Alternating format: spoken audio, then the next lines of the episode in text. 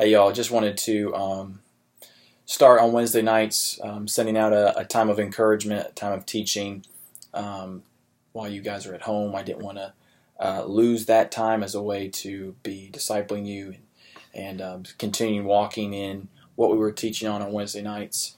Um, so, next week we are going to continue teaching through First Corinthians. Um, these teaching times that are going out to will be much shorter than my usual 40, 45 minute sermon. Um, uh, they'll be more devotional in nature. Uh, they'll be kind of the bare bones teaching through a passage, but I don't want to lose this time. I don't want to.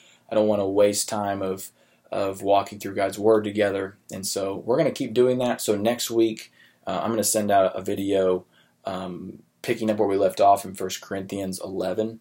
Um, but today, I, I wanted to, to not dive right into that and pick up where we left off, just because of the nature of what has happened, and especially the nature of what has happened um, even this week. And so, just as the virus continues to grow and spread and shut things down and keep people inside, um, it was already brutal that you got DNOW taken away. Um, it's brutal that we can't meet together as a church. Um, that really is just agonizing that we can't be together and worship together and uh, do life together um, and just enjoy each other's presence. You know, it's just right now, if you go out or you have someone at your house, it's just so good to see a person. And um, that's not part of your family. That's kind of where we're at right now. And so, um, I don't know, with everything going on, I wanted to just give us a teaching time of encouragement and give us some hope um, in these dark days. So I'm just going to talk about some promises of Christ in these dark days. Um, yesterday, um, so this is Tuesday, so this is going to be in your living room on a Wednesday, but this is Tuesday right now for me. And so yesterday, um, uh, the governor canceled all of school for the rest of the school year. And so I know that is, for many of you, that is brutal. Um, that is an agonizing blow.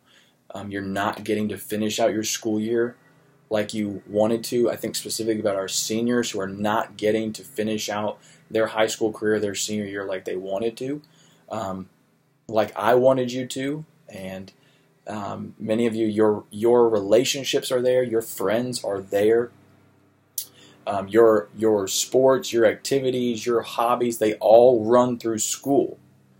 Now, many of you, you already at home, you're already homeschooled, so you're not feeling the weight of that as much. Um, but you still can't go anywhere, so you still feel the effects of this disappointment. Uh, but I just want you to know that the ones who got school taken away, while it's well, it's kind of at first, it's initially just the thought of being at home is nice, but you can't really enjoy not being at school because you actually can't go anywhere or do anything. So um, we're just living in a weird time. So there's just all these mixed emotions. I know for most of us, the thought of not going back be with our friends, be with our teachers, um, it just fills it with so much discouragement, so much uncertainty, and um, some of you may be angry or frustrated, and and I get that. I'm praying for you guys. I love you. When I think about you, I thank God for you.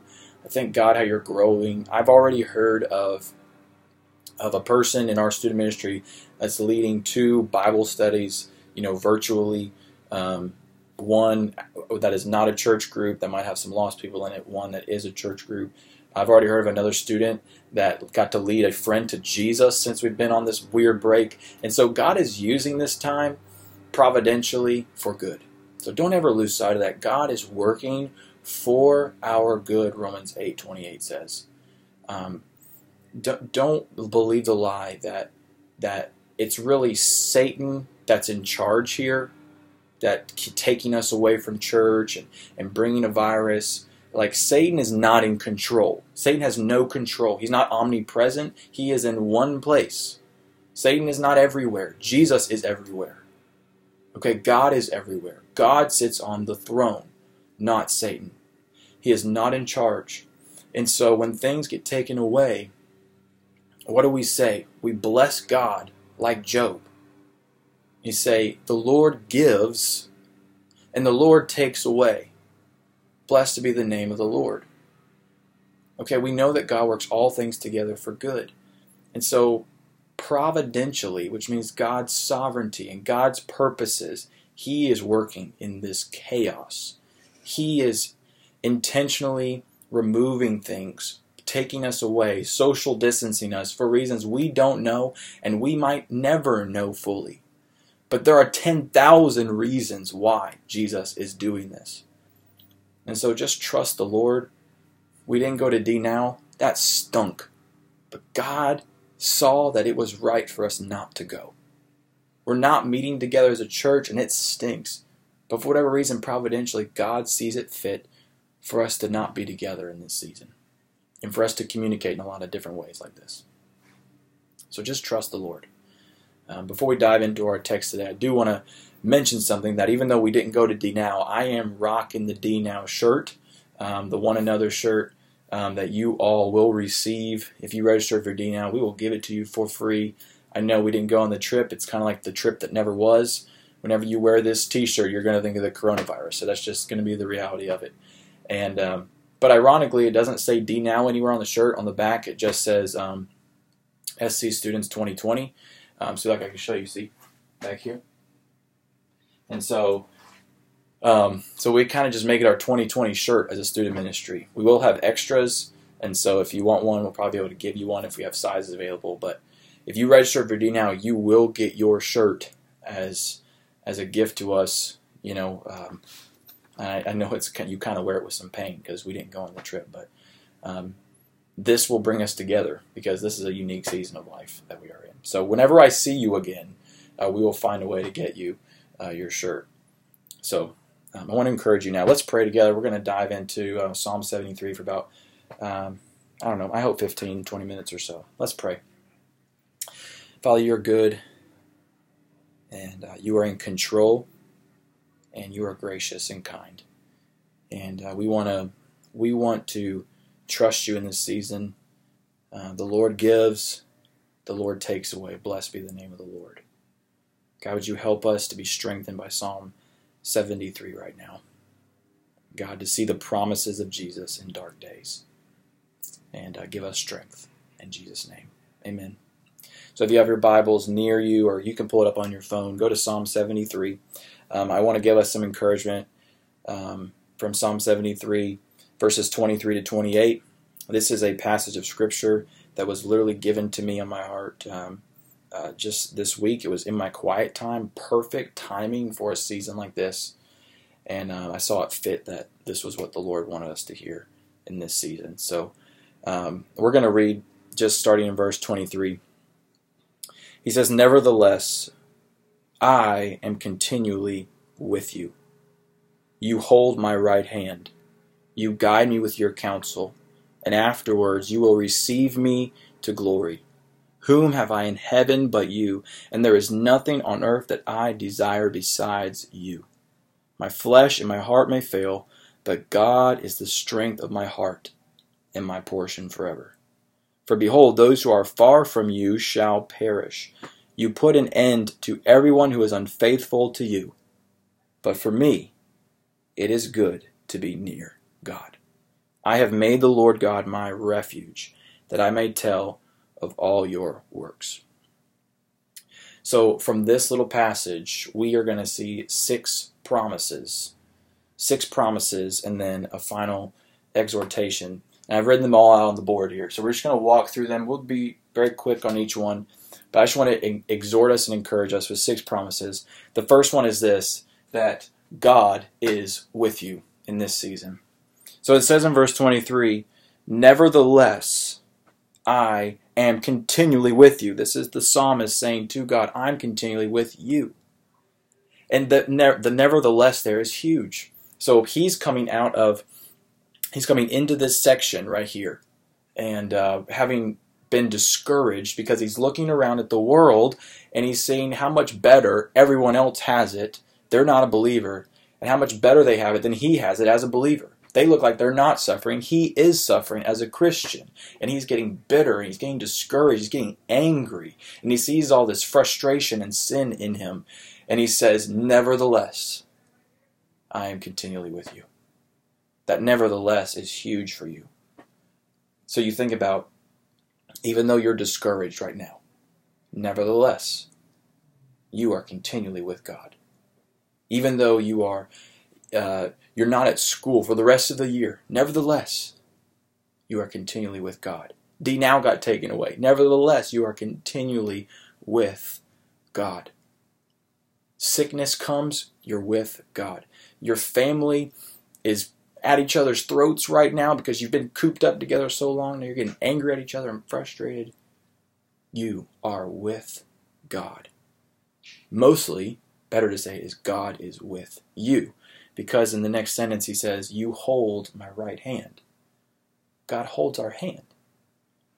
Now, this sounds weird to us, maybe, but it's really not weird. When I think about me holding Piper's hand, my three year old daughter, I've, when I'm holding her hand, I've got her. Right? When we're holding hands, she doesn't really have me. Right? I can break loose and run away in, in, a, in a second. Why? Because I'm bigger and stronger than she is. She's just a toddler. But when she's when I'm holding her hand, she can't get away because I've got her. And when you're a parent, you can kind of feel just the very, very first flinch of your kid starting to leave your grasp, and you just clinch up and grab them. So, like the other day, we are walking through a, a trail. We were out and about, and uh, we were walking down this trail, keeping our social distance. And uh, Piper tripped She's wearing a dress. She always wears fancy dresses when we're out and about because she wants to be a princess. And so Princess Piper tripped, and I felt her stumble, and I was holding her hand. And as she stumbles, like immediately, you you can feel her trip, and before she can hit the ground or hit her knees on the ground, I have her hand and I hold her up real quick, so that when she stumbles, she actually didn't hit the ground. And I said, "Are you okay? Are you good?" She says, "Yeah, I'm good. I'm good." Had I not been holding her, what happens? When she stumbles, she'll eat it. She will cry because she's Piper. She always cries. And she'll skin her knees. It'll be a disaster. But I've, I've got her.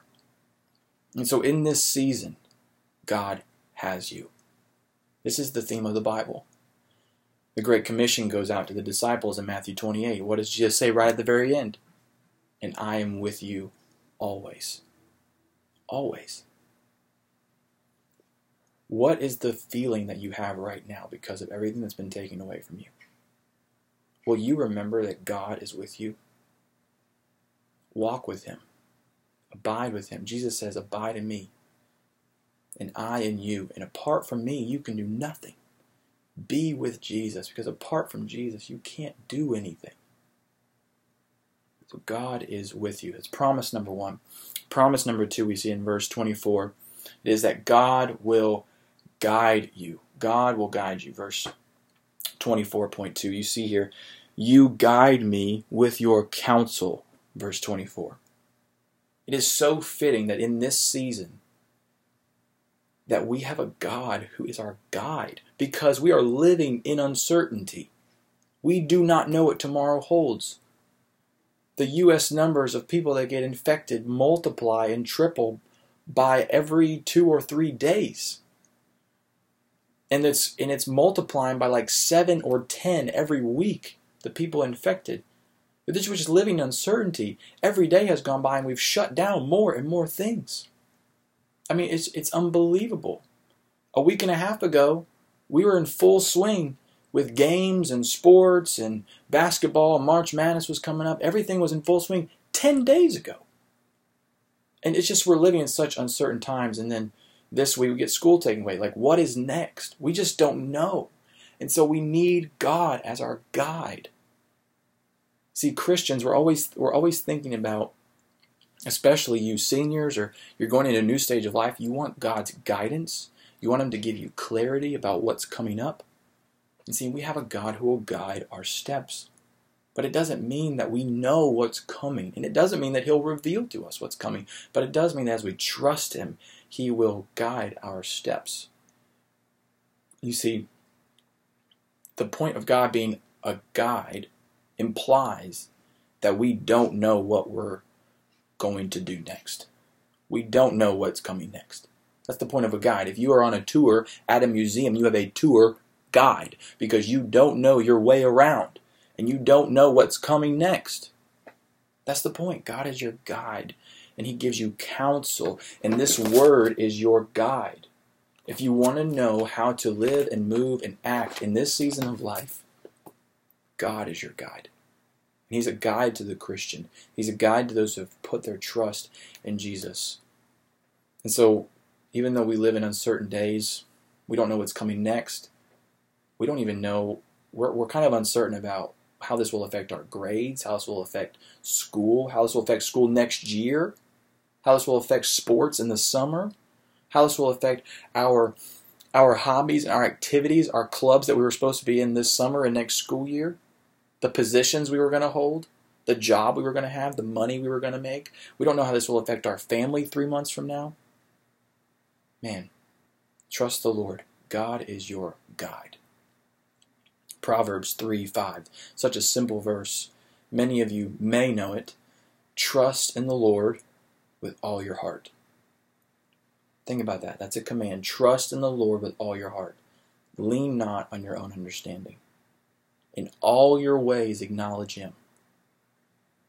In all your ways, acknowledge Him. It doesn't mean in all your ways, know where you're going. In all your ways, just acknowledge that God knows where you're going, even though you don't. Acknowledge Him, and He will make your path straight. That's a good promise. God will guide us in this season. So look to God to guide you in this season. Trust Him, He will act. Delight yourself in the Lord, and He will give you the desires of your heart. Commit your way to the Lord. Trust in Him, He will act. That's Psalm 37, 4 and 5. So that's promise number two. Promise number three is that God will receive you. So, number three right here God will receive you. See it in verse 24. So, verse 24 says, And afterwards you will receive me into glory. Think about the hope that we have walking through this season of life. It's frustrating. It's difficult. People are getting sick. People are getting affected. People we know are deeply affected. And we have a hope that after everything is said and done, God will receive us into glory. What if we didn't have that hope? What if we did not have that hope? We don't know the result of the coronavirus. We don't know when we're going to get immunity. We don't know when a vaccine is coming. We don't know how much it's going to spread. Is it going to be greater than the Spanish flu in 1918? We have no clue. We have no clue. We're unsure about that. But as we walk through this difficult life, we are sure that no matter what happens, no matter who gets sick, no matter what job we lose, Jesus will receive us into glory for eternity. That's a living hope. When was the last time you thought about eternity? Have you thought about the hope that you have. One day you're going to be with Christ. Revelation 21 3 says that God will be with his people. He will be their God, and we will be his people. And we will live with him. And there'll be no more pain, no more suffering, no more sickness, no more death, no more virus, no more sinning. Oh my gosh, no more sinning. We're not going to sin ever again when we're in heaven. We're not going to struggle. Afterwards, he will, he will receive us into glory. Look to Christ. We have hope. This is why Paul says in Philippians 1.21, For me to live is Christ and to die is gain. To die is gain. If we live, we live to the Lord. If we die, we die to the Lord. So whether we live or whether we die, we belong to the Lord. That's that's uh, Romans 14, 7 and 8. Think about eternity. Do you know, do you know for sure that Jesus will receive you into glory when your life is through? Do you have that hope in a season like this? That however it turned out, God will receive you into glory. Do you have that hope? You only get that hope by placing your faith in Jesus Christ who bled and died to take away your sin and death and bear your punishment for your sin, and then was raised to life for eternity and now sits on the throne and one day is coming again to receive us into glory and you put your faith in Jesus alone turn from your sin, you turn to Jesus, and then you get all this hope. You get God as your Father, you get God as your guide, you get God who's with you, and He'll receive you into glory. Man, it's so good for the Christian, isn't it? We have a hope that cannot be shaken. Okay, the next thing is I want to move from God is with us, God will guide us, God will receive us, to then looking at the character of Jesus. Look at verse 25. Whom have I in heaven but you? And there is nothing on earth that I desire besides you. So, this fourth point that we're going to see is that Jesus is better. Right here, Jesus is better, verse 25. So it says, There is nothing on earth I desire besides you. Can you say that? Can you say right now, there's nothing on earth that I would rather have besides you? That's tough. That makes you think. What do you desire more than you desire Jesus right now? Do you desire to be back with your friends more than you desire Jesus right now? Do you desire to have the ability to go to a movie theater than you desire to be with Jesus right now? Do you desire to just not get sick more than you desire to be with Jesus right now? That's tough. Nothing on earth I desire besides you. Can we say that? Because what I think is that this shows us that Jesus is better than everything, right? That's the message of life. It's the gospel. Jesus is better. In Psalm 63, it says, Your steadfast love is better than life. Psalm 3, and Psalm, Philippians 3 8 says, Jesus is our surpassing worth, everything is lost compared to knowing Christ Jesus, my Lord. He is better than everything. And sometimes God has to take away everything for you to see that He is your one desire that he is better than everything. See, a season like this of, of virus and sh- things shutting down and people not being able to be together and you not being able to be in your activities and be in the places where you would normally be and maybe be in sinful places where you shouldn't be, all of that gets taken away and you're exposed. And God has exposed what you actually desire more than Him. God will do anything. He will take away anything for you to have Jesus as your one desire, for Jesus to be your joy. Job, Job had everything taken away from him. And his wife, his little chirping wife, is not taken away from him. But his kids are, his house is, his wealth is, his cattle is, everything's taken away from him. And his wife says, Job, you need to curse God and die. And Job says, The Lord gives, the Lord takes away. Blessed be the name of the Lord. Jesus was better to Job than everything. Is Jesus better to you than everything? May he be so. He is better than life. He is better than health. He is better than money. He is better than your stuff. He's better than your Xbox. He's better than Netflix. He's better than the TV shows you're binging right now. He's better than the Oreos that you've been eating all week and that I've been eating all week. He is better than everything. He's better than the friends that you crave to be with. He's better. And when you can live inside the reality that Jesus is better to you than everything, then you can walk through this season of life because it doesn't matter what gets taken away from you. You already have your greatest joy. And nothing can take away your greatest joy. Satan can't take it away from you. Because it's not external. It's not based on what you have and what you don't have. Your happiness is not based on stuff, it's based on who you have. And he who is in you is greater than he who is in the world and we can have joy. And maybe God has to take you through this season of removing you from your sinful crowd for you to see that Jesus is your one desire, that Jesus is better.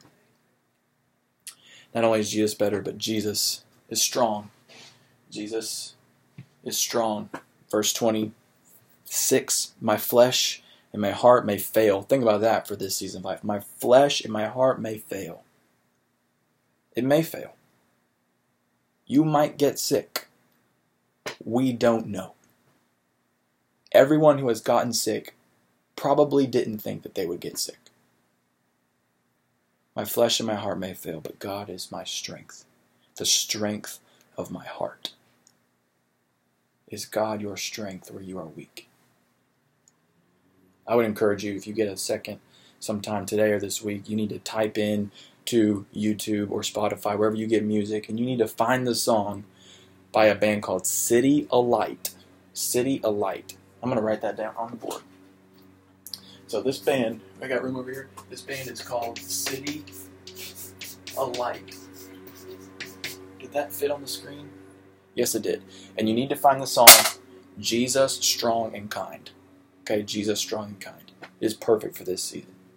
Um, so just that's for free. But Jesus is our strength. Jesus is strong where we are weak. Romans 5 6 says, Christ died for the weak. He did not die for the strong. He did not die for the ones who have it together. He died for the weak. And how clear do we see our weakness then right now? We are so vulnerable in this season of life. We can't stop this virus. God is in control of virus. We can't stop stuff from shutting down. We're not in control. We are so weak right now. We're so vulnerable right now. We are completely dependent on the strength of Jesus. We are weak and helpless, and we need a Savior who is strong. What weakness does this expose this season? Where, where do you see weaknesses? Do you see your sin, your sinful weaknesses coming up to the surface in your boredom at your house? I do. I see mine. I'm craving just to numb my time with iPhone and TV and not crave and not spending it with Christ and, and reading good books and being productive to study and do the things that God's given me to do. What do you where are your weaknesses right now? But go to a Savior who lived in your place and was strong in your place where you are weak.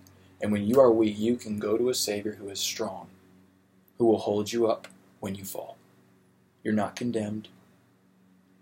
You're not a loser. But you're not strong either. And you're not awesome. Like, we just got to get over it. We're not awesome. We're not killing it. Okay? We're weak. We're helpless. We need Christ to help us and give us strength. Run to your Savior who is strong. Maybe you're weak physically, emotionally, spiritually. You got a Savior who's strong.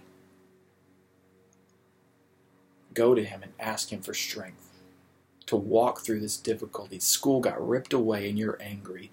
Jesus is strong. Ask Him for strength. He will do it. He paid His own blood to have you. He, he spent His own self to have you so that He could be your strength when you are weak. Uh, 2 Corinthians 12 9 says, I will boast. Let me see if I can find that. I don't want to misquote it here. 2 Corinthians 12 9. Jesus says, My grace is sufficient for you. My power is made perfect in weakness. In weakness. I will boast all the more gladly of my weaknesses, so that the power of Christ may rest upon me. For the sake of Christ, then I am content with weakness, insult, hardship, persecution, calamities. For when I am weak, then I am strong. When I'm weak, then I'm strong, because Jesus is strong. All right. Sixth is Jesus is enough. Jesus is enough. So in verse 26, he says, Jesus is my portion forever. Jesus is enough. There's nothing like a, a pandemic, an epidemic, whatever we call this thing, to show us that Jesus really is enough for us. We can't go out. We can't go to Starbucks. We can't go out to eat. We can't go to the movies. Can't go to concerts. Can't go anywhere. We got to be home. Can't get together in groups of more than 10. And Jesus is enough. And he's causing us to see that Jesus, it really is enough for us. Um, I think about a pastor who said this um, We don't see that Jesus is all we need until Jesus is all we have. And right now, Jesus is all we have. And we're finally seeing that Jesus is all we have all the time. We have nothing without Christ. Jesus is enough for you. Jesus is our contentment. What are you looking to? To give you contentment that only Christ can give you. What about this season is causing you to run to other things? That you're just looking for the next thing to fill you. I hope I don't lose my money so I can be uh, content. I hope I don't lose my job so I can be content. I hope I can get back with my friends so I can be content. You know, what is it? Oh, my grades don't plummet so I can be content. Now, your grades, we don't want them to plummet. But don't look for satisfaction in school when only Jesus can satisfy you, or in relationships when only Jesus can satisfy you, or only He is enough. Jesus is enough. And I want you to see that Jesus is your joy. He's enough. He's your joy. You don't need anything else. He's enough. Hmm. And lastly, we'll end with this little exhortation. Verses 27 and 28 show us this truth. Stay near to Christ during this season. Stay near to Christ. Look at verse 27. For behold, those who are far from you shall perish. You put an end to every everyone who is unfaithful to you. So the unbeliever, he doesn't have this hope. He doesn't have these promises. These promises are unique to a Christian. Verse 28 But for me, it is good to be near God. I have made the Lord God my refuge, that I may tell of all your works. It is good to be near God. What a great verse. It is so good to be near God in this season of life. We are walking in a very strange day. But the Christian, of all people on the planet, the Christian is equipped to walk through this time. It is good to be a Christian in this time because we have we have a stack of promises for us that are not for everybody. The unbeliever doesn't get these. Jesus died on the cross to give you these in a package. If Jesus doesn't die for you, God is not with you. God is not your guide. God is not receiving you into glory. Jesus is not strong for you if you are not His. Don't you see? These are yours in Christ. It is good to be near God right now. If you don't know Jesus, surrender your life to Jesus during the season of coronavirus so that you can know God and He can be your Father and you can be His child through faith in the finished blood and resurrection of Jesus, who loves you and gave Himself for you. If you have questions about that, you can always feel free to email me or ask a friend or talk to your parents about that. But for all of us Christians, we need to rest in this reality that it's good right now to be near God, that He's our refuge. And because it's so good, we have a hope that we can tell the world. It ends with that I may tell of all your works. It ends with evangelism. It ends with missions. Use this time to say, look, this is the hope I have in this season of life. This coronavirus is causing everyone to go into a panic. And I have hope. And I can tell of what Christ has given me. Christ has taken away my sin, He's taken away my punishment. And one day He's going to receive me into glory. And you can know Him and you can have this hope. May we live like Christians in this day. Let us not be panicking. Let us not be walking around angry. Let us not be blasting people on social media. That is not the answer. Let's not be posting our opinions and that are useless. Let's be Christians who walk with the promises of Christ in dark days. Who show the world that it's good to be near God. Who show the world that Jesus is strong and Jesus is enough. That's my prayer for us as we walk through this season. I love you guys. Um, I'm praying for you every day, and um, I cannot wait to be with you again. Um, let's pray together. I hope this was encouraging for you. It's encouraging for me. Let's pray together, and then uh, we'll be all finished. Let's pray. God, we love you. Um, and I'm just so thankful for this last little exhortation. It's good to be near God. God, would you let us feel the weight of that? Be glorified in us. Let us tell of your wondrous works. Let people see that Jesus really is enough for us, that he's better to us than everything. Use this time in ways that we would never dream that you would use it if it weren't for your providential hand bringing us into this time. God, we love you. We trust you. Be with us now in Jesus' name. Amen. All right, guys. Well, um, next week we'll jump back into First Corinthians. I'm going to post these Wednesday nights about 6 o'clock every week for you and your family. Um, I think if you were going to talk about this around the table, maybe just talk about things that we look to to give us fulfillment that only Jesus can give. What do we look to, uh, to that is better to us or that we desire more than we desire Jesus? Those types of questions. And then may we rest the fact that Jesus is enough. Maybe go around the table, go around the living room, talk amongst your friends um, about things that you're really discouraged about during this time. And just kind of vent all of those things. And then just remember these promises that God is with us, God will guide us, God will receive us, and that Jesus is better, strong, and He is enough. And let's stay near to God. Love you guys. We will see each other soon.